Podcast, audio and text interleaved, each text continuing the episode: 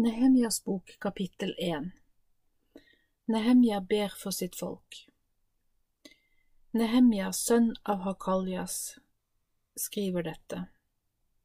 I det tjuende året av kong Artaxerxes regjeringstid var jeg, borge, var jeg i borgen Susa. Da kom Hanani, en av brødrene mine, sammen med noen menn fra Juda til meg. Jeg spurte dem om jødene som hadde overlevd fangenskapet, om Jerusalem. De svarte meg, resten av israelittene, de som har overlevd fangenskapet og som er der i området, er i stor nød og har ikke noen ære mer. Jerusalems mur er revet ned, og portene er nedbrent. Da jeg hørte disse ordene, satte jeg meg ned og gråt. Jeg sørget i mange dager og fastet og ba til himmelens Gud. Jeg sa, jeg ber, der, ber deg, Herre, himmelens Gud, du som er skremmende stor og som holder avtalen du har inngått med ditt folk. Du viser godhet og barmhjertighet mot dem som elsker deg og holder dine bud. Jeg ber deg om å åpne dine øyne og ører for min bønn. Hør denne bønnen fra din tjener. Jeg ber foran ditt ansikt i dag og natt. For Israels folk bekjenner jeg. Vi har syndet mot deg, både min slekt og jeg har syndet. Vi har oppført oss ondt mot deg, og vi har ikke holdt budene, lovene eller reglene som du befalte oss å holde gjennom din tjener Moses. Jeg ber deg om å huske hva du sa til din tjener Moses. Hvis dere ikke er trofaste, så skal jeg spre dere blant folkene. Men dersom dere angrer deres synder og kommer til meg, holder mine bud og gjør etter dem, da skal jeg, selv om noen av dere ble drevet bort til jordens ende, samle dere derfra. Jeg skal lede dere til det stedet der jeg vil bo, det som skal være en bolig for mitt navn. Disse er dine tjenere og ditt folk, du har reddet oss med din store kraft og med din sterke hånd. Herre, jeg ber deg om å lytte til meg, din tjeners bønn. Lytt til våre bønner, vi som av hele vårt hjerte respekterer deg. La meg, din tjener, ha framgang i dag. Jeg ber deg om at jeg skal finne velvilje hos kongen i Jerusalem. På denne tiden arbeidet jeg for kongen, og jeg hadde ansvar for det han og gjestene hans drakk.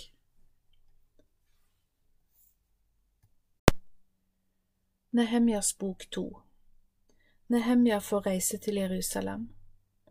På denne tiden arbeidet jeg hos kong Artaxerxes.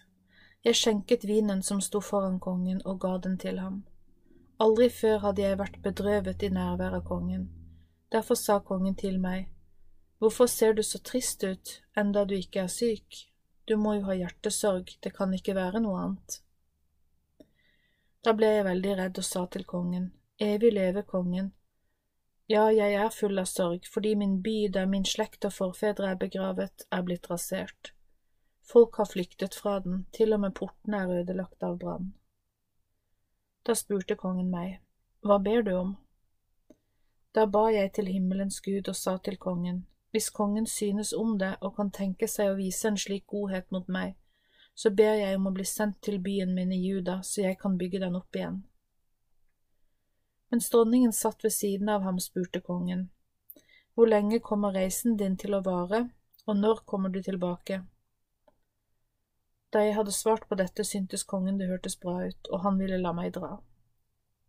Dessuten sa jeg til kongen, dersom kongen kunne tenke seg det, så kunne jeg få fått med meg et brev til stattholderne for området bortenfor elven, slik at de lar meg passere.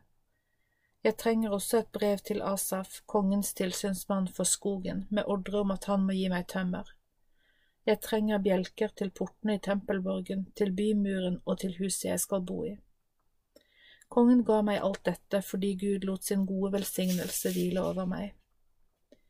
Så dro jeg av sted, jeg ga brevet fra kongen til stattholderne i området, bortenfor elven. Kongen hadde også sendt med meg både hester og soldater fra hæren sin.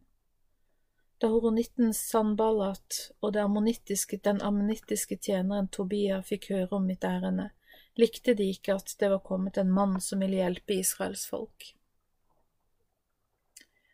Vil bygge opp igjen, Isra igjen Jerusalems mur. Deretter kom jeg til Jerusalem og ble der i tre dager. Om natten sto jeg og noen få menn som var sammen med meg opp. Jeg sa ikke til et eneste menneske hva min Gud ville at jeg skulle gjøre i Jerusalem. Jeg tok bare med meg dyret jeg red på da jeg, da jeg om natten dro ut gjennom dalporten og bort til slangekilden, og kom til avfallporten. Jeg undersøkte Jerusalems murer som var revet ned, og portene som var brent med ild. Så dro jeg over til kildeporten og til kongens dam, men der var det for trangt til at dyret jeg på kunne komme fram. Slik dro jeg opp gjennom dalen om natten og undersøkte muren, deretter dro jeg tilbake. Ingen visste hva jeg hadde gjort om natten, jeg hadde ennå ikke sagt noe til jødene, prestene, de fornemme mennene, forstanderne eller til de andre som skulle utføre arbeidet. Da jeg nå hadde skaffet meg en oversikt over arbeidet, sa jeg det til dem. Dere ser hvilken nød vi er i, hvordan folk har forlatt Jerusalem, og at portene som hører til, er brent ned. Kom, la oss bygge opp igjen Jerusalems mur, så vi ikke lenger er til skam for folkene rundt oss. Jeg fortalte dem om hvordan Gud hadde vært med meg, og om det kongen hadde sagt til meg. Da sa de, la oss gjøre oss klare og bygge. Så tok de kraftig fatt på dette gode arbeidet. Men da horonitten Sanballat, den ammonittiske tjeneren Tobia og araberen Geshem hørte dette, gjorde de narr av oss. De lo foraktelig av oss og sa, Hva er det dere gjør, vil dere gjøre opprør mot kongen? Da svarte jeg dem, Himmelens Gud skal selv gi oss framgang. Derfor, vi, derfor vil vi, hans tjenere, gjøre oss klare å bygge. Men dere har verken noe eierskap eller et godt navn å ta vare på i Jerusalem. Nehemjas bok tre Muren bygges opp igjen. Da tok øverstepresten Eliashib og de andre prestene til med å bygge. De bygde opp saueporten og innviet den til Herren og satte dørene på plass. De bygde helt bort til Meatårnet og innviet det til Herren. Deretter fortsatte de byggingen helt til Hananel-tårnet. Ved siden av dem bygde mennene fra Jeriko, ved siden av dem igjen bygde Sakkur, Imris sønn. Sønnene til Sena bygde på fiskeporten. De la ned de bjelkene som hørte til, og satte opp dørene med bolter og bommer. Side om side arbeidet de, først Meremot, sønn av Uria, sønn av Hakkos. Bortenfor dem arbeidet Meshulam, sønn av Berekja, sønn av Meshayabel, og bortenfor der igjen arbeidet Sadok, sønn av Baana. Ved siden av dem arbeidet tekoritene, men de fremste blant dem ville ikke arbeide for sine herrer. Videre satte Jojada, Paseaks sønn, og Meshulam, Beshodias sønn, gamleporten i stand. De satte inn bjelkene og hengte opp dørene med bolter og bommer. Ved siden av dem satte gibeonitten Melatja, meonittitten Jadon og mennene fra Gibeon og mispa i stand ting som lå under tronen til stattholderen for området bortenfor elven. Ved siden av ham arbeidet Usiel, Harayas sønn, en av gullsmedene, og ved siden av ham igjen arbeidet Hananya, en av parfymemakerne. De bygde opp igjen Jerusalems mur helt bort til den brede muren. Slik arbeidet de side om side. Refaya, sønn av Hur, herskeren over halvparten av Jerusalem-distriktet. Jedaya, Harumaf, sønn. Hatush, Hashaners sønn. Malkia, Harims sønn. Og Hashubs, Pakat Moabs sønn. Disse satte i stand en annen del av muren i tillegg til ovnstårnet. Ved siden av ham arbeidet Shalum, sønn av Hallokesh, som var hersker over den andre halvparten av Jerusalem-distriktet. Han og hans døtre var også med på oppbyggingsarbeidet. Dalporten ble reparert av Hanun og de som bodde i Sanoa. De bygde den opp, satte på dørene med boltene og bommene og gjorde ferdig 500 meter av muren, helt til avfallsporten. Malkia, sønn av Rekab, herskeren over Bet Hakerem-distriktet, reparerte avfallsporten. Han bygde den opp og satte så opp dørene med bolter og bommer. Shallun, sønn av Kolhoses, herskeren over Mispa-distriktet, reparerte kildeporten. Han bygde den, satte opp dørene med bolter og bommer og reparerte også muren ved Sjela, dammen, i nærheten av kongens hage, helt fram til trappen som fører ned fra Davids by. Etter ham arbeidet Nehemja, Asbuks sønn, med å reparere muren helt fram til Davids graver, til den dammen som er lagd av mennesker, og helt til de mektiges hus. Han var herskeren over halve Betsur-distriktet. Etter ham arbeidet levittene med reparasjonene. De sto under Reum, Banis sønn. Ved siden av ham arbeidet Hashabia med å reparere ting for sitt distrikt. Han var herskeren over halvparten av Keila-distriktet. Ved siden av dem arbeidet brødrene deres med reparasjoner. De sto unna Bawai, herskeren over den andre halvparten av Keila-distriktet. Ved siden av ham arbeidet Eser med å reparere en annen del foran våpenhusbakken ved støttepilaren. Han var Jeshuas sønn og herskeren over Mispa.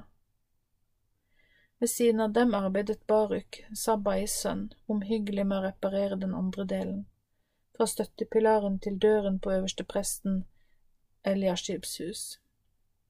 Etter ham arbeidet Meremot, sønn av Uria, sønn av Hakkos, med å reparere en annen del, fra døren på Eliashibs hus til enden av Eliashibs hus. Etter ham arbeidet prestene, mennene fra sletten, med å reparere sin del. Etter dem arbeidet Benjamin og Hashub rett overfor sitt eget hus. Etter dem arbeidet Asarja, sønn av Maasheya, sønn av Ananya, med å sette huset sitt i stand. Etter ham arbeidet Binwi, Henadads sønn, med reparasjoner fra Asarjas hus til støttepilaren og helt til hjørnet. Palal Husais sønn arbeidet med å sette ting i stand overfor støttepilaren og på tårnet som stikker opp fra kongens øverste hus ved gårdsplassen til fengselet. Ved siden av ham arbeidet Pedaya, Parosis sønn. Tempeltjenerne bodde i Ofel. De arbeidet helt til stedet foran vannporten mot øst, der tårnet stikker opp. Etter Pedaya arbeidet tekoitene med å reparere muren ved siden av det store tårnet som stikker opp, og helt til Ofelmuren. Bortenfor hesteporten arbeidet prestene med reparasjoner. Hver av dem arbeidet foran sitt eget hus. Det gjorde også Sadok, Immers sønn. Etter ham arbeidet Shemaya, Shekanas sønn, med reparasjoner. Han var vokter av østporten. Etter ham arbeidet Hananya, Shelemias sønn, med å sette en annen del i stand.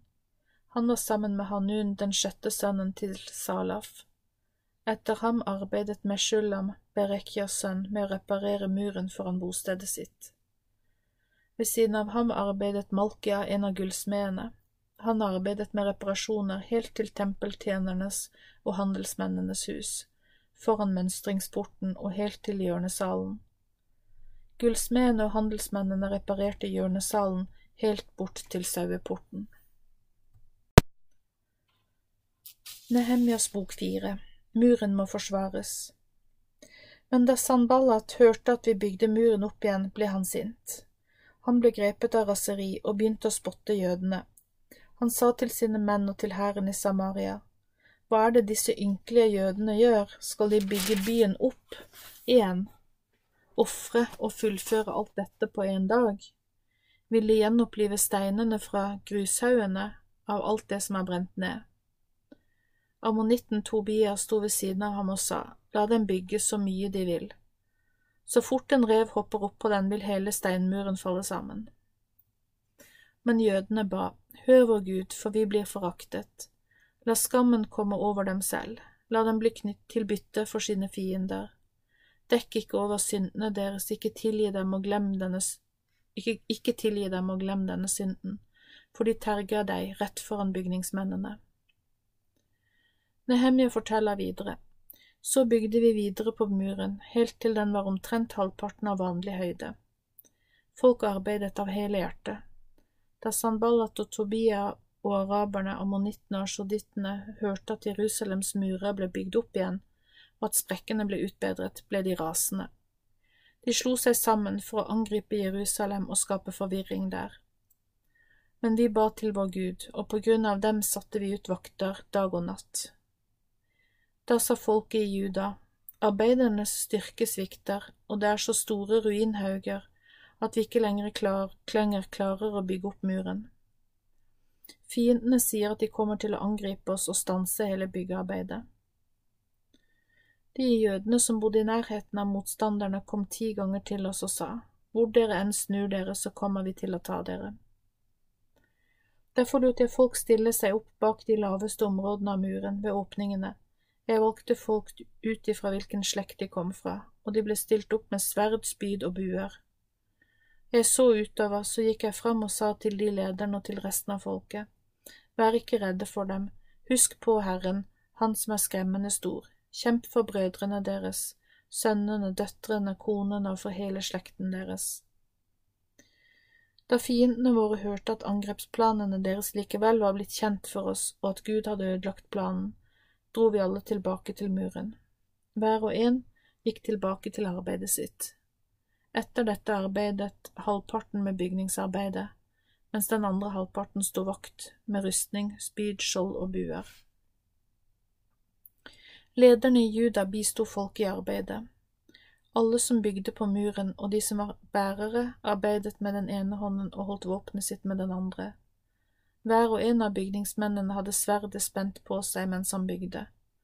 Den som blåste i basunen, sto ved siden av meg.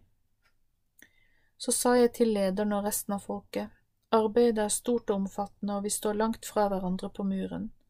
Om dere hører lyden av hornet, skal dere samle dere omkring oss. Vår Gud skal kjempe for oss. Så arbeidet vi videre på verket. Halvparten av oss sto vakt med spydene fra daggry til stjernene viste seg. Samtidig sa jeg også til folket, hver mann skal holde seg inne i Jerusalem om natten sammen med tjeneren sin. Vaktstyrken kan være vakt for oss om natten, og et annet skal være arbeidslag om dagen. Verken jeg eller brødrene mine eller tjenerne mine eller mennene i vaktstyrken som fulgte meg, tok av seg klærne om natten. Alle var hele tiden forberedt med våpen og vann, i tilfelle vi ble angrepet. Nehemjas bok fem Nehemja tar opp oppgjør Men så begynte folk og konene deres å klage. De klaget til de jødiske mennene. Noen sa, Vi er mange, la oss derfor få korn så vi kan få spise og leve mens andre sa vi må pantsette åkrene, vingårdene og husene våre for å få korn i denne hungersnøden. Andre igjen sa for å få penger til kongens skatt har vi lånt penger på åkrene og vingårdene våre. Enda vi er av det samme folket, må vi tvinge sønnene og døtrene våre til å bli slaver. Ja, noen av døtrene er allerede blitt slaver, vi har ingen mulighet til å fri dem ut, for åkrene og vingårdene våre tilhører andre. Da jeg hørte disse klagene, ble jeg veldig sint. Etter å ha fått tenkt en stund, irettesatte jeg landets ledere og sa til dem, krever dere inn noe dere har lånt ut til deres egne brødre? Så kalte jeg sammen en stor forsamling og sa til dem, etter vår økonomiske evne har vi kjøpt fri de av vårt folk som ble solgt til andre folk. Vil dere nå virkelig fortsette å selge deres eget folk, eller skal de nå selge seg til oss, da ble de helt stille, og folk ble stående uten ord. Så sa jeg, det dere gjør er ikke rett. Skulle dere ikke leve med ærefrykt for vår Gud, så fiendene våre ikke får grunn til å se ned på oss. Jeg har også på samme måte som andre av vårt folk lånt ut penger og korn, men nå ber jeg om at vi ettergir hele gjelden. Jeg ber dere nå om at dere i dag gir dem åkrene, vingårdene, olivenplantasjene og husene deres La dem få alt dette tilbake, og ettergi dem fullt ut alt som dere har lånt til dem. Da svarte de, Vi skal gi det tilbake, og vi vil ikke kreve noe av dem, vi skal gjøre som du sier. Da tilkalte jeg prestene, og jeg fikk dem til å sverge på at de ville sørge for at dette ble utført. Deretter ristet jeg på kjortelen min og sa, Må Gud på denne måten riste hver mann ut av sitt eget hus og eiendom, dersom han ikke holder dette løftet. Hele forsamlingen sa amen. De lovet Herren at de skulle gjøre dette, og de holdt det, det de hadde lovet. Nehemja er en god stattholder. Fra den dagen da jeg ble utnevnt til å være stattholder i Judas land, forsynte verken jeg eller mine medarbeidere oss av stattholderens matforsyninger. Slik var det fra kong Artaxerxes 20. til 32. regjeringsår. Men de tidligere stattholderne, de som hadde vært før meg, hadde forlangt mye av folket. De hadde krevd både brød og vin fra dem, i tillegg til nesten et halvt kilo sølv. Men av respekt for Gud gjorde ikke jeg det. Jeg jobbet ivrig og utholdende videre på byens mur, og vi kjøpte ikke noe åkerstykke. Alle tjenerne mine var samlet der for å arbeide. Ved bordet mitt var det 150 jøder og ledere, foruten dem som kom til oss fra folkeslagene rundt oss.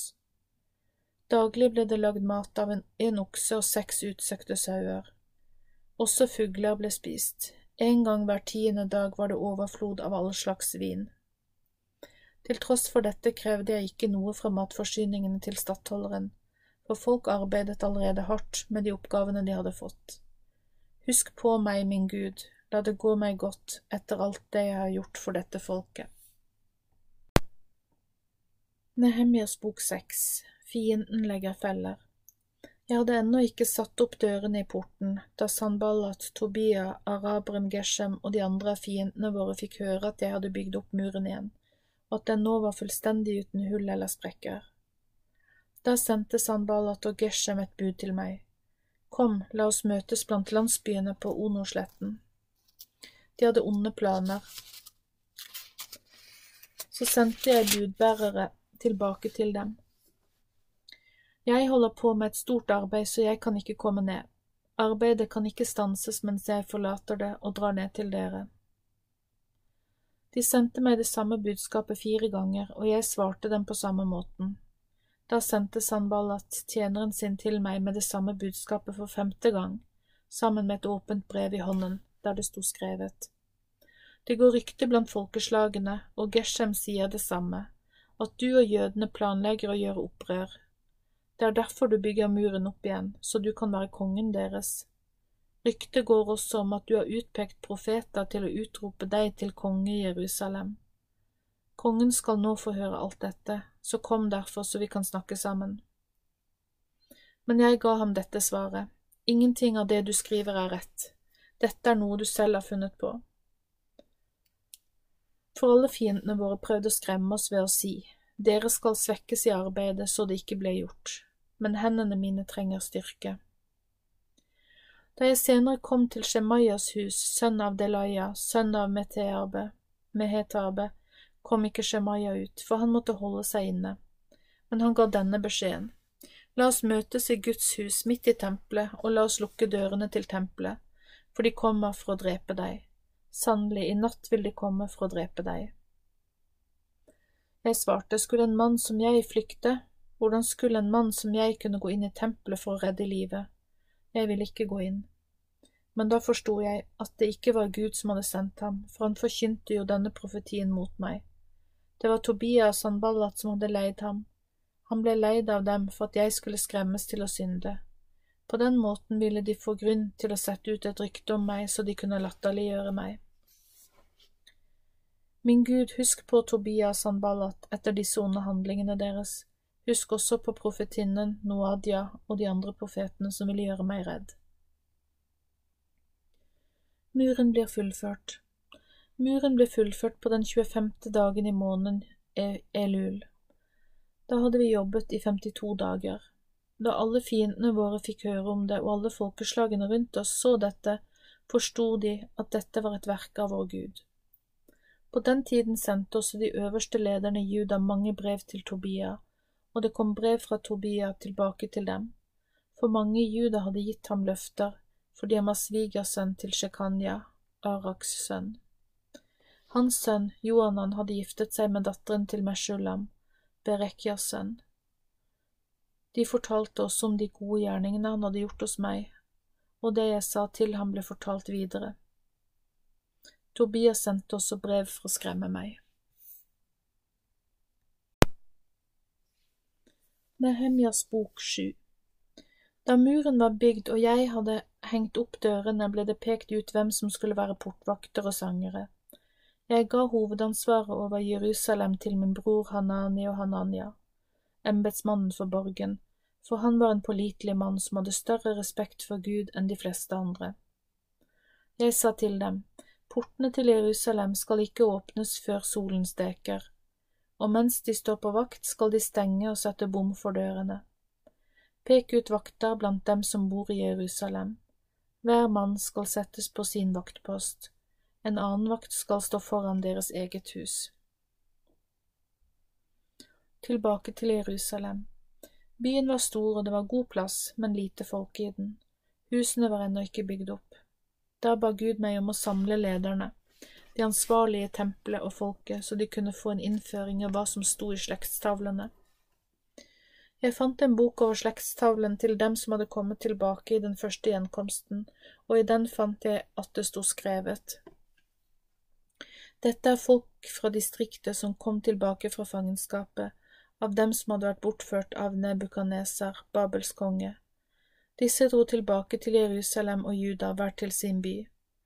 De som kom sammen med Serubabel, var Josva, Nehemja, Asarja, Raamja, Nahamani, Modekai, Bilshan, Misperet, Bigvai, Nehum og Baana. Dette er tallet på mennene av Israels folk. Mannlige etterkommere av følgende menn var Parosh 2172, Shefatya 372, Arak 652, Pakat Moab og av etterkommende til Josfa Joab var 2818. Etterkommende etter Elam var 1253, Sattu 845, Sakai 760, Binui 648, Bebai 628, Askad 2322, Adonikam 667, Bigvai 2067, og etter Adin var det 655 etterkommere. Sønnene til, sønnene til Atar av Hiskia var 98. Etterkommerne etter Hashum var 328. Besai 32, Harif 112, og etter Gibeon var det 95 etterkommere. Mennene fra Betlehem og Netofa var 188. Mennene fra Anatot var 128. Mennene fra Bet Asmavet var 42. Mennene fra Kiryat Yarim, Kefira og Beerot var 743. Mennene fra Rama og Geba var 621. Mennene fra Mikmas var 122. Mennene fra Betel og Ai var 123. Mennene fra den andre siden av Nebo var 52. Etterkommerne til den andre Elam var 1253. Etterkommerne etter Harim var 320. Jeriko 345, og fra Lod, Hadid og Ono var det 721 etterkommere. Etterkommerne etter Senaa var 3930. Mannlige etterkommere av prestene var disse. 973 etter Jedaya av Josvas slekt, 1052 etter Immer, 1247 etter Pashkur og 1017 etter Harim. Levittene var disse, sønnene til Josva av Kadmiel og Hodavias sønner var 74, Sangerne var disse, Asafs sønner var 148. Portvaktene var de mannlige etterkommerne etter Shallun, Ater, Talmon, Akub, Hatita og Shobai. Til sammen var det 138 menn. Tempeltjenerne var de mannlige etterkommerne av Sika, Hasufa, Tabaut, Keros, Sia, Padon, Lebana, Hagab, Shalmais, Hanan, Giddel, Gahar, Reaya, Resin, Nekoda, Gassam, Ussa, Pasiak, Besai, Maon, Nafus, Bakbuk, Hakufa, Harhur, Baslit, Mekida, Harsha, Barkos, Sisera, Tamak, Nesiak og Hatifa. De mannlige etterkommerne til Salmos tjenere var etterkommere av Sotoi. Soferet, Perida, Jaala, Darkon, Giddel, Shefatya, Hatil, Pokeret i Sebayim og Amon. Til sammen var de 392 menn. Dette var de som kom tilbake fra Tel Melak, Tel Harsha, Kerub, Addon og Immer, men som ikke kunne gjøre rede for sin slekt om de var av Israels folk. Det gjaldt etterkommere etter Delaba, Tobia og Nekoda. Til sammen var det 642 menn. Av prestene som var etterkommere etter Hobaya, Hakkos og Barsilai. Barsilai giftet seg med datteren til gileaditten Barsilai, og han fikk navnet etter sin svigerfar. Disse ønsket å komme med på listen over dem som ble skrevet ned ut fra slektstavlen, men den slektslisten ble ikke funnet. Derfor ble de utelukket fra presteskapet. Stattholderen forbød dem å spise av de høyhellige måltidene som kun var beregnet for prestene. Hele forsamlingen var i alt på 42 360. I tillegg kom antallet på tjenerne og tjenestekvinnene deres på 7337 mennesker. De hadde 245 sanger og sangerinner. De hadde 736 hester, 245 muldyr, 455 kameler og 6720 esler. Noen av de øverste slektenes overhoder kom med gaver til arbeidet. Stattholderen ga 1000 gullmynter, 50 skåler og 530 prestekledninger til skattkammeret. Noen av overhodene for fedrene ga 20 000 gullmynter og 2200 sølvmynter til skattkammeret for arbeidet. Resten av folket ga 20 000 gullmynter, 2000 sølvmynter og 67 prestekledninger. Så bosatte prestene, levittene, portvaktene, sangerne, tempeltjenerne og hele Israels folk seg i byene sine. Nehemjas bok åtte Esra leser fra Moseloven Da den sjuende måneden kom, bodde Israels folk i byene sine. En dag samlet hele folket seg på den åpne plassen foran vannporten. De ba den skriftlærde Esra å komme med boken der Moses lov sto nedskrevet. Der sto Herrens befalinger til Israels folk. På den første dagen i den sjuende måneden kom presten Esra med loven. Han leste for forsamlingen av menn og kvinner og alle som kunne forstå det de hørte. Fra morgenen til midt på dagen leste han, og hele folket lyttet oppmerksomt til lovboken. Den skriftlærde Esra sto på en plattform av tre som de hadde lagd nettopp for det. Ved Esras høyre side sto Matitya, Shema, Anaya, Uria, Hilkia og Maaseya. Ved hans venstre side sto Pedaya, Mishael, Malkia, Hashum, Hashbadana, Zakaria og Meshulam. Da Esra hadde åpnet boken, kunne hele folket se ham, for han sto høyere enn alle de andre. Da han åpnet den, hadde hele folket reist seg. Esra lovet Herren, den store Gud, og hele folket svarte, Amen, Amen, mens de løftet hendene sine. Så bøyde de seg ned og tilba Herren med ansiktet mot jorden. Det var også andre som hadde oppgave å veilede folket så de kunne forstå loven. Disse mennene var Josva, Bani, Sherebia, Yamin, Akub, Shabetai, Hodia, Maaseia, Kelita, Asaria, Josabad, Hanan og Pelaya og levittene. Folket ble stående på plassen sin mens de leste klart og tydelig fra boken med Guds lov. De forklarte og veiledet dem slik at de skulle forstå det de leste. Stattholderen Nehanja og presten Esra, presten og levittene som underviste folket, sa til hele folket, Denne dagen er innviet for Herren deres Gud. Sørg ikke og gråt ikke, for hele folket gråt da de hørte det som sto i loven. Så sa de til dem, Dere kan gå bort og spise det fete og drikke det søte, men send også retter til slike som det ikke er gjort noen ting i stand for. For denne dagen er innviet til Vår Herre.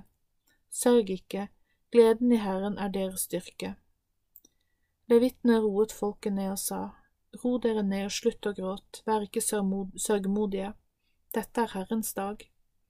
Hele folket gikk da for å spise og drikke. De delte på matretter og hadde en stor gledesfest, for de forsto de ordene som ble opplest for dem. Løvhyttefesten Familieoverhodene og alt folket samlet seg også dagen etter hos den skriftkyndige Esra, sammen med prestene og levittene. Folket ville få mer forståelse av ordene i loven.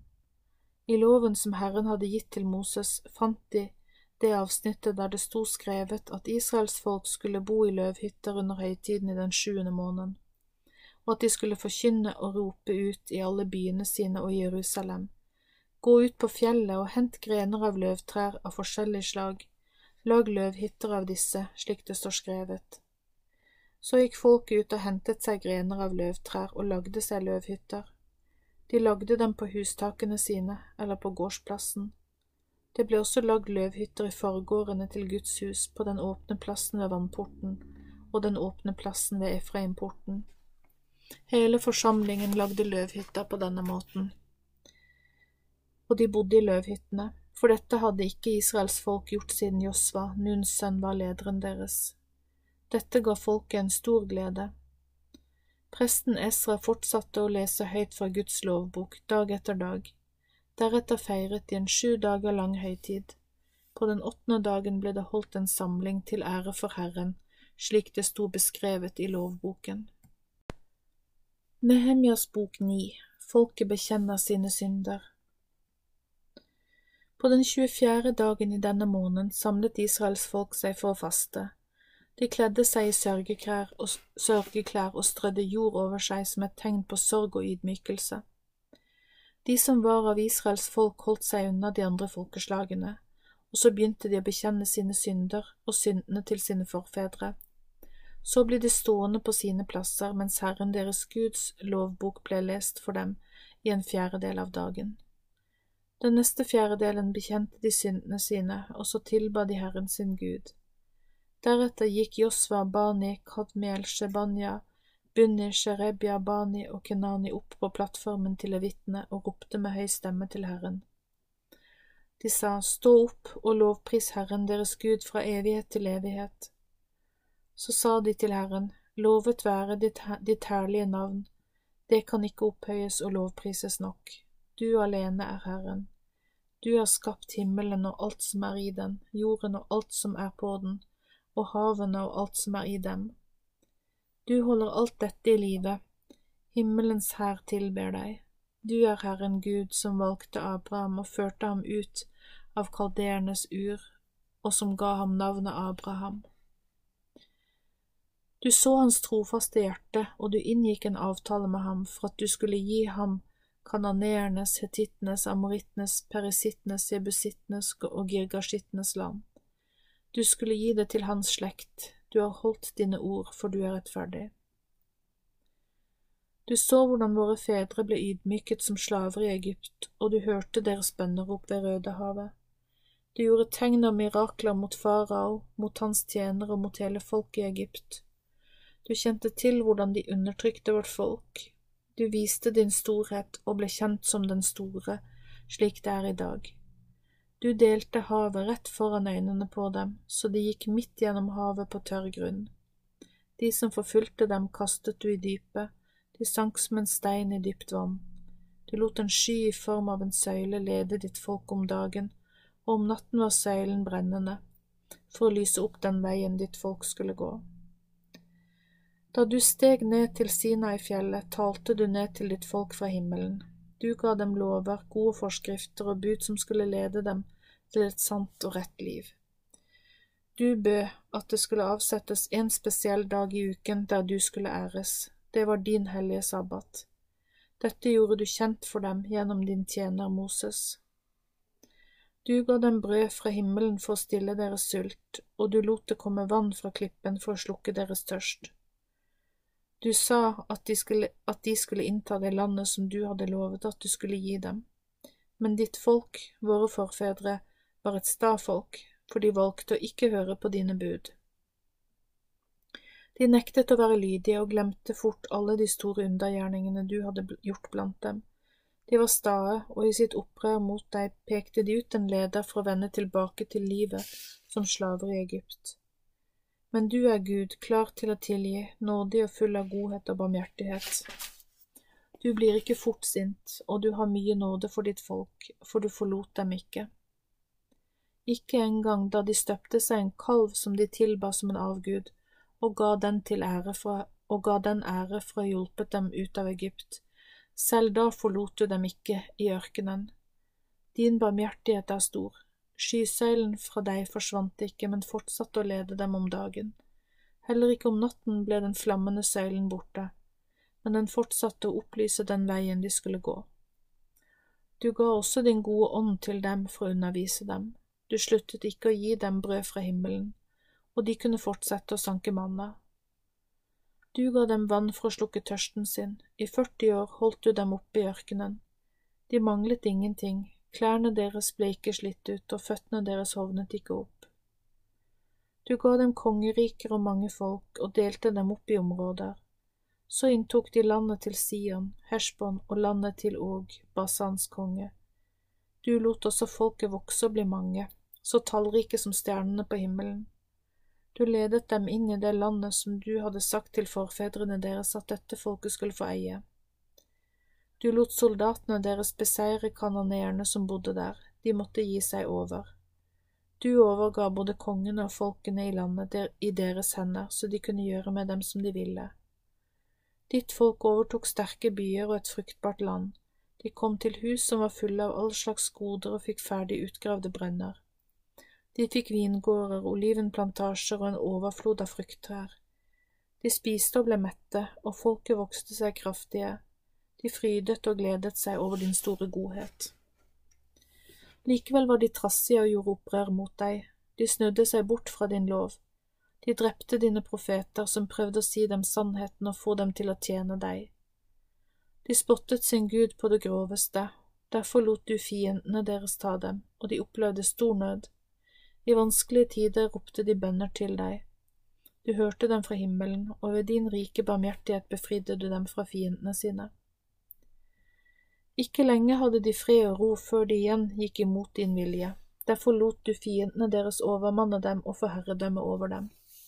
Men de ropte igjen i bønn til deg, og du hørte dem fra himmelen og reddet dem fra fiendene deres. Din godhet mot dem var stor. Du snakket til dem for at de skulle følge din vilje og din lov. Likevel fortsatte de å gjøre som de selv ville. De hørte ikke på dine bud, men syndet mot deg, for mennesket vil kjenne konsekvensene av sine handlinger. Dette folket var trassig og sta, og de ville ikke høre. Men du hadde tålmodighet med dem i mange år. Du lot dine profeter tale til dem ved din ånd, men de ville ikke høre på dem. Derfor lot du dette folket overvinnes av folkeslag fra andre land. I din storhet, store godhet og barmhjertighet lot du være å utrydde dem, du forlot dem heller ikke, for du er en nådig og barmhjertig Gud. Og nå, du som er vår Gud, den mektige og den skremmende store, du som holder avtaler og viser godhet og nåde. Du ser vi har vært gjennom mye med tanke på alt det onde som har kommet over oss, over våre konger og våre ledere, våre prester og våre profeter, våre fedre og over hele ditt folk, fra syrerkongens tider og helt fram til i dag. Men du er rettferdig, vi har fortjent alt det onde som er kommet over oss, du har vist trofasthet i motsetning til oss som har levd på tvers av din vilje. Verken våre konger eller våre ledere, våre prester eller våre fedre har holdt din lov. De har heller ikke hørt på dine bud, eller på det som profetene har formidlet fra deg. For selv om de fikk bo i sitt eget kongerike, for selv om de fikk bo i sitt eget kongerike, fikk de nyte din store godhet og utfolde seg i dette store og fruktbare landet som du ga dem. Så har de likevel ikke tjent deg, de vil ikke slutte med sine onde gjerninger. Se bare hvordan det har gått med oss. I dag er vi slaver nettopp i det landet som du ga våre forfedre, i det landet der du ga oss muligheten til å nyte fruktene fra alt det gode som er i det. Er vi nå blitt slaver? Dette landets avlinger er blitt gitt til de kongene du satte over oss på grunn av våre synder. Du lot dem også herske over kroppene våre og dyrene våre, slik de selv finner det for godt Å, vi er i stor nød. Derfor vil vi inngå en forpliktende avtale. Den skal skrives ned og underskrives av lederne våre, levittene og prestene våre. Nehemjas bok ti En avtale inngås De som skrev under på avtalen og satte sine segl på den, var stattholderen Nehemja, Sidkia, Seraya, Asaria, Jeremia, Pashkur, Amaria, Malkia, Hatush, Shebanya, Maluk, Harim, Meremot, Obadia, Daniel, Ginneton, Baruk, Meshulam, Abia, Miyamin, Masha, Bilgai og Shemasa, Shemaya. Dette var prestene som skrev under. Av levittene skrev disse under, Josva, Asanyas sønn, Binui av sønnene til Henadad og Kadmiel. Av deres brødre skrev Shebanya, Hodia, Kelita, Pelaya, Hanan, Mika, Rehob, Hashbabia, Sakur, Sherebia, Shebenya, Hodia, Bani og Benino under. Av folkets ledere skrev disse under, Parosh, Pakad Moab, Elam, Sattu, Bani, Bunni, Askad, Bebai, Adonja, Bigvai, Adin, Atar, Hiskia, Asur, Hodia, Hashum, Besai, Harif, Anatot, Nebai, Magpiash, Meshulam, Hesir, Mesheasabal, Sadok, Yadua, Pelatya, Hanan, Anaya, Hosea, Hananya, Hashub, Halokesh, Pilka, Pilka og Shobek, Rehum, Hasabanya, Maashea, Akiya, Hanan, Anan, Maluk, Harim og Baana. Avtalen blir beseglet. Resten av folket, prestene, levitene, portvaktene, sangerne, tempeltjenerne og alle de andre som med sine koner og barn hadde forlatt de andre folkene fordi de heller ville følge Gud, fordi de erkjente og forsto at det var best, slo seg sammen med dem som ville underskrive denne avtalen. De sa at de ville være under forbannelse dersom de ikke ville følge Gud. De avla et løfte på at de ville leve etter Guds lov, den som ble gitt ved Guds tjener Moses. De lovet at de ville holde alle Herren, vår Guds bud, og følge de lover og regler som Han hadde gitt. De sa videre, Vi vil ikke la våre døtre gifte seg med menn fra andre folkeslag, med andre guder, og heller ikke la døtrene deres gifte seg med våre sønner. Hvis et folkeslag fra et annet land kommer med varer eller korn for å selge det på sabbatsdagen, vil vi ikke kjøpe noe, verken på sabbaten eller noen annen helligdag. I tillegg vil vi la jorden vår ligge brakk hvert sjuende år, og i samme år vil vi også ettergi all gjeld.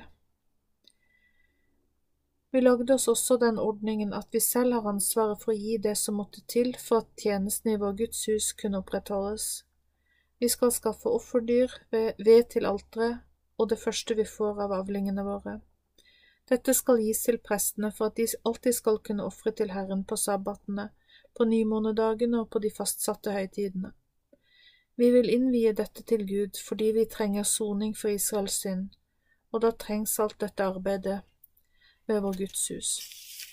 Vi kastet også lodd om hvem som skulle komme med offerveden til Guds hus. Dette skulle leveres til Guds hus på fastsatte tider år for år. Dermed kunne ilden brenne på Herren vår Guds alter, slik det står skrevet i loven. Vi lagde også ordninger for hvordan vi skal få levert offergavene fra det første vi høster inn av avlingen. Vi vil gi Herren frykten fra alle trærne. År etter år skal dette gis til Herrens hus. Vi vil også komme til Herren med våre førstefødte sønner og de førstefødte dyrene i husholdningen vår, slik det står skrevet i loven. Vi vil komme med korn, frukten av alle slags trær, fruktsaften og oljen, dette skal gis til prestene som gjør tjeneste i vår Guds hus, så de kan legge dette i lagerrommene i Guds hus. En tidel av åkrene våre vil vi gi til levittene, og levittene skal selv ta imot en tidel av det folket har, i alle de byene de har tjeneste. Presten Arons sønn skal være sammen med levittene når levittene samler inn dette. Levittene skal selv legge en tidel av det som kommer til Guds hus, inn i lagerhuset. Hele Israels folk skal komme med alt dette til helligdommen, slik at prestene, portvaktene og sangerne deres kan gjøre sin tjeneste, for vi kan ikke svikte vår Guds hus. Nehemjas bok 11 Bosatt i Jerusalem Folkets ledere hadde bosatt seg i Jerusalem. Det ble kastet lodd om hvem som ellers kunne bosette seg i den hellige byen og loddet falt på en tidel av befolkningen, mens resten skulle bosette seg i de andre byene.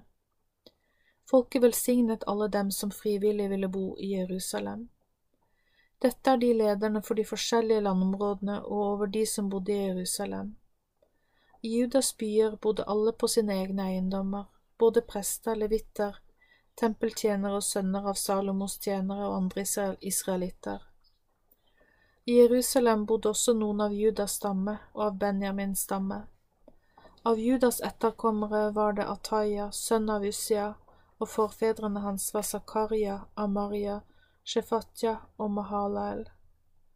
Han var også av Peres slekt. Maaseia bodde også der, hans far var Baruk, og hans forfedre var Kolhose, Hasaya, Adaya, Jojarib, Zakaria og Shela. Hele 400 mektige menn av Peres etterkommere bodde i Jerusalem. Dette er Benjamins etterkommere. Saldus far var Meshulam. Hans forfedre var Joed, Pedaya, Kolaya, Maaseya, Itiel og Shalai og Jesaja. Etter Salli var sønnene Gabai og Shalai. Slekten var i alt 928. Joel, Sikris sønn, var tilsynsmannen deres. Juda, Hansenuas sønn, var den nest øverste lederen i byen. Prestene var Jedaya, Jojaribs sønn, og Jakin. Seraya var også prest, hans far var Hilkia, og hans forfedre var Meshulam, Sadok, Merayot og Akitub. Han var forstanderen over Guds hus. Hele slekten deres som utførte arbeidet i Guds hus, var til sammen 822 personer. Adaya og hans slekt var ledere, og deres slekt var 242. Adaya var sønn av Jeroam. Hans forfedre var Pelaya, Amsi, Zakaria, Pashkur og Malkia. Am Amasai og hans slekt var 122 mektige krigere. Han var sønn av Asarel. Hans forfedre var Aksais, Meshilemot og Immer. Tilsynsmannen deres var Sabdiel, sønnen til en av de store mennene. Av levittene var det Shemaya, som var sønn av Hashub. Forfedrene hans var Asrikam, Hashjaba og Bunni. Shabbatai og Josabad var lederne til levitene. De hadde tilsyn med det som foregikk på utsiden av Guds hus. Matanya var lederen for lovsangen under bønnene. Han var sønn av Mika, sønnesønn av Sabdi og oldebarn av Asaf. Bakbukya var den nest øverste lederen blant levittene. Viktig blant levittene var også Abda, sønn av Shamua, sønnesønn av Galal, oldebarn av Jeditun. Til sammen var det 284 levitter i den hellige byen. Av portvaktene var det Akub, Talmon og deres brødre som voktet portene. De var 172 til sammen. Resten av Israels folk, prestene og levittene, bodde i alle byene i Juda. De bodde på sine tildelte eiendommer, men tempeltjenerne bodde i Ofel. Sika og Gishpa hadde tilsyn med tempeltjenerne. Tilsynsmannen for levittene i Jerusalem var Ussi, sønn av Bani. Hans forfedre var Hash Abia, Matanya og Mika, som var en av Asafs sønner.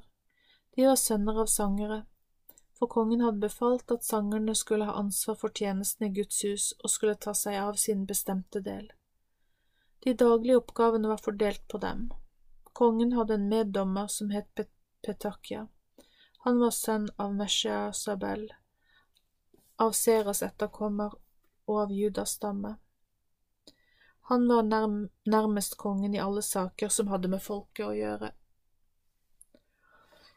Folket utenfor Jerusalem Judas folk bodde i følgende landsbyer med tilhørende jordstykker Kiryat Arba, Dibon, Jekabsel, Jeshua, Molada, Betpelet, Hasarsjual, Hazar Shual, Ber Sheba, Siklag, Mekona, Enrimon, Sora, Jarmut, Sanoa, Abdulam, Adulam, Lakish og Aseka. De bodde fra Beersheba til Hinnomdalen. Benjamins folk bodde fra Geba, Mikmas, Aya og Betel og i de landsbyene som hørte til. De bodde også i Anatot, Nob, Ananya, Hasor, Rama, Gittayim, Hadid, Seboim, Neballat, Lod, Ono og i Håndverkernes dal. Av levitene kom noen av avdelingene fra Juda til å bo i Benjaminlandet. Nehemias bok tolv Prestene og levitene. Dette er prestene og levitene som kom sammen med Serubabel, Shelaltiels sønn, og Josva. Seraya, Jeremia, Esra, Amaria, Malik, Hottush, Shekanya, Rehum, Meremot, Iddo, Ginetoi, Abia, Miamin, Madia, Bilga, Shemaya, Jojarib, Jedaya, Salu, Amok, Hilkia og Jedaya. Disse var lederne for prestene og brødrene deres i Josvas dager. Levittene var Josva, Binui, Kadmiel, Sherebia, Juda og Matanya. Matanya og brødrene hans hadde ansvaret for lovsang, lovsangsalmene. Bakbukia og Unni, brødrene deres, sto rett overfor dem når de hadde vakttjeneste.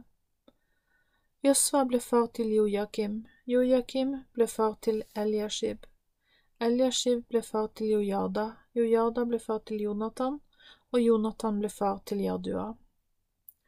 I Jojakims dager var disse prestene familieoverhoder. I Serajas familie var det Meraya, i Jeremias familie var det Hananya, i Esras familie var det Meshulam, i Amarias familie var det Johanan, i Maleks familie var det Jonathan, i Shebanyas familie var det Josef, i Harims familie var det Adna, i Merayots familie var det Helkai, i Iddos familie var det Zakaria, i Ginnetons familie var det Meshulam, i Abias familie var det Sikri, Minjamins sønn.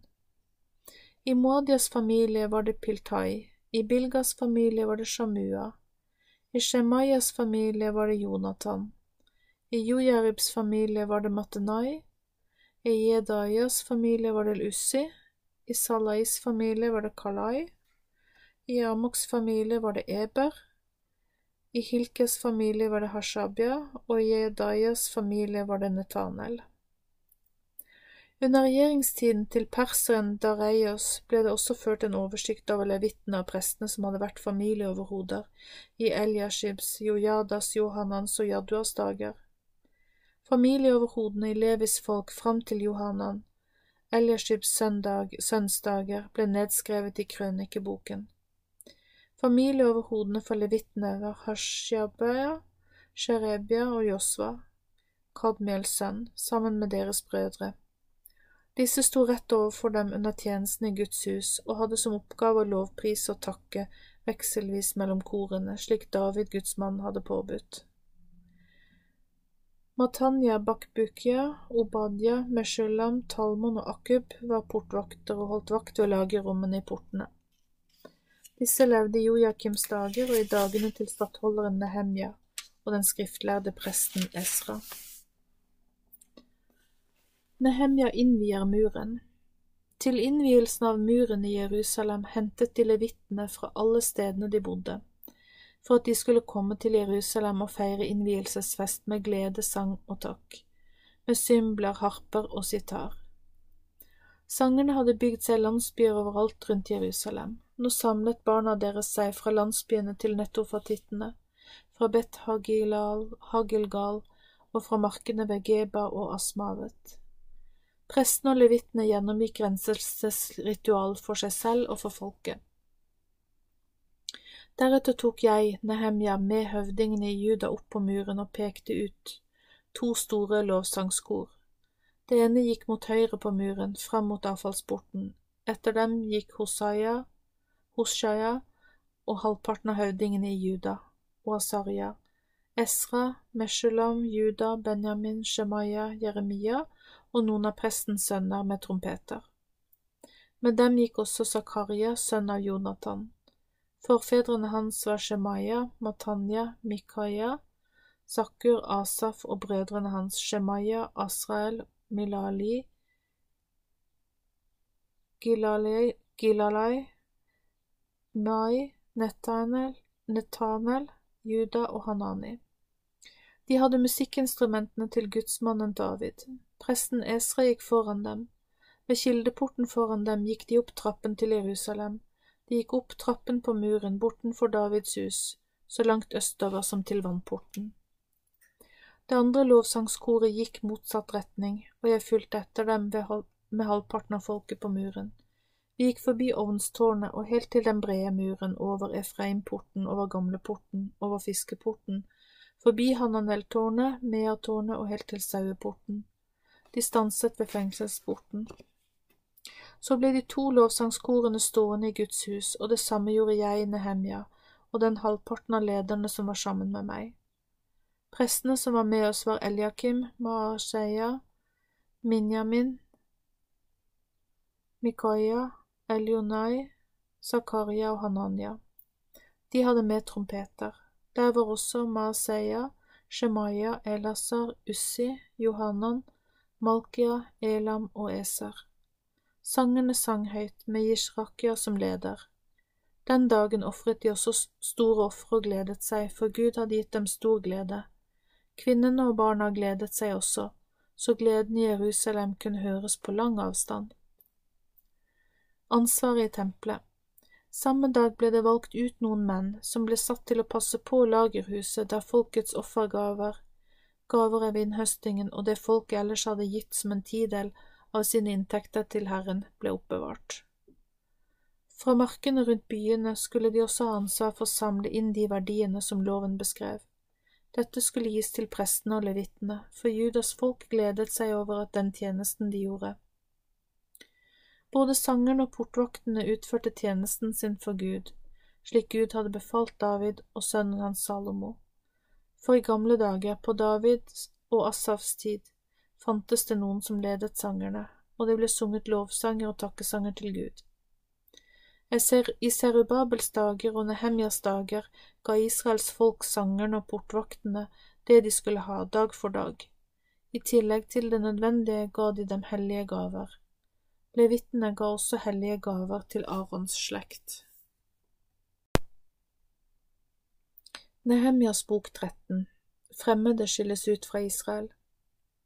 På den dagen leste de fra Moseboken mens folket hørte på, og det ble oppdaget at det sto skrevet at ingen ammonitt eller moabitt noen gang skulle komme inn i Guds forsamling, fordi de ikke hadde møtt Israels folk og gitt dem brød og vann men hadde leid Bileam til å gå imot dem for å forbanne dem.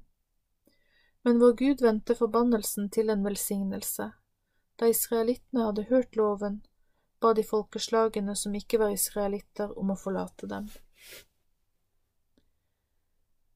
Rette seg etter Guds ord. Før dette hendte, viste det seg at presten Eliashib, som var gitt myndighet over lagerhusene i, vårt, i vår Guds hus, og som var i nær slekt med Tobia, hadde gjort i stand et stort rom for Tobia. Der hadde de tidligere lagret hellige gaver fra avlingene, røkelse, forskjellige gjenstander, korn, fruktsaft og olje som var gitt som offergave til levittene, sangerne, portvaktene og prestene. Mens alt dette hendte, var ikke jeg, Nehemja, i Jerusalem, for i det 32. regjeringsåret til Artaxerxes, Babels konge, hadde jeg reist tilbake til kongen. Etter et bestemt antall dager hos ham ba jeg kongen om anledning til å reise tilbake til Jerusalem igjen. Da jeg kom til Jerusalem, oppdaget jeg at Eliashib hadde forbrutt seg ved å la Tobia få et rom i forgården til Guds hus. Dette syntes jeg meget ille om. Derfor kastet jeg alle eiendelene hans ut av rommet. Deretter befalte jeg at rommene skulle rengjøres så fikk jeg plass igjen til de gjenstandene som hørte til der i Guds hus. Røkelsen og offergavene som var gitt til Herren, ble båret inn igjen. Jeg skjønte også at levittene ikke hadde fått det de skulle ha. Levittene og sangerne, som hadde gjort tjeneste i Herrens hus, hadde dratt tilbake til sine egne åkrer. Derfor hadde jeg et oppgjør med forstanderne, og jeg spurte dem, hvorfor er oppgavene som skulle sørge for å opprettholde tjenesten i Guds hus, blitt forsømt? Jeg kalte sammen alle som skulle gjøre tjeneste i Herrens hus, og innsatte dem igjen på plassene sine. Så kom hele Judas folk med tienden av kornet, mosten og oljen. Dette ble lagt i lagerhuset. Som skattemestere over lagerhuset valgte jeg presten Shelemia og Sadok. Til å støtte dem i oppgaven valgte jeg ut levitene Pedaya og Hanan, sønn av Sakur, sønnesønn av Matanya. Disse mennene var kjent for å være pålitelige. Oppgaven deres var å dele ut, brød, dele ut til brødrene sine. Husk på meg, min Gud, for at jeg har gjort dette, ikke glem de barmhjertighetsgjerningene jeg har gjort for mitt Guds hus og for tjenestene som tilhører der. I de dager så jeg at folket i Juda arbeidet ved vinpressene sine på sabbaten. De jobbet på kornåkrene sine, lesset vin, druer, fikner og alle slags last på eslene sine, og fraktet dette inn til Jerusalem hvor de solgte det.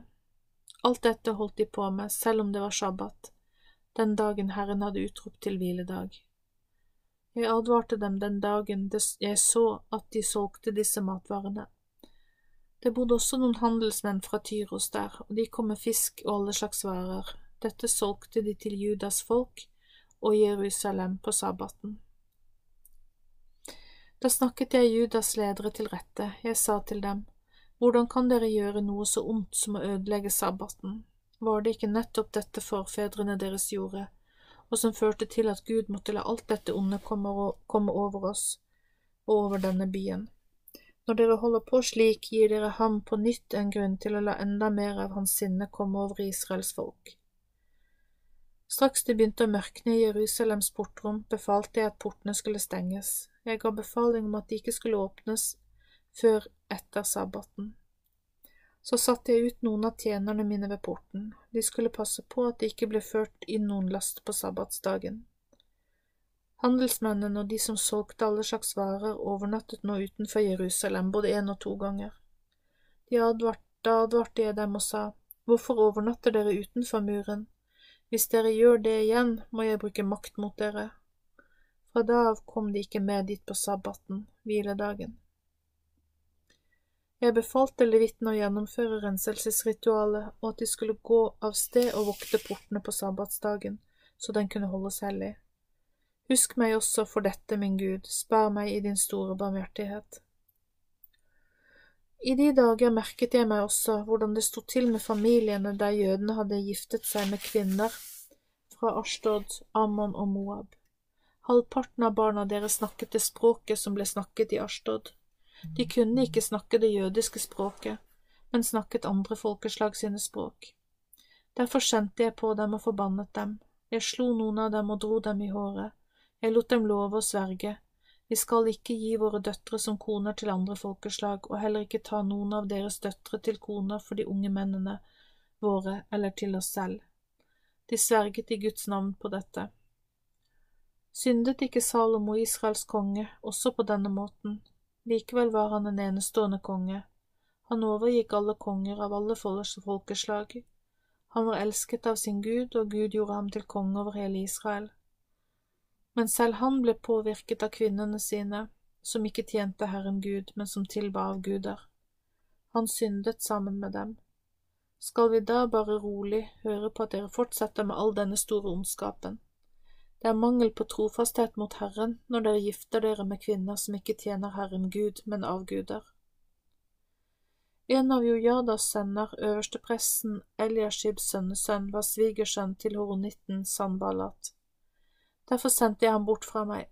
Husk på dem, min Gud, som har gjort prestedømmet urent og ikke har holdt avtalen vi hadde om prestedømmet og levittene. Jeg har ønsket bort alt det som hadde med avguderi å gjøre, jeg frisket opp hvilke forpliktelser prestene og levittene skulle ha i tjenestene sine. Jeg slo fast hvordan veden til ofringene skulle komme på plass, og hvilke bestemte tider folk skulle komme med det første de fikk fra innhøstingen av avlingene. Tenk godt om meg, min Gud.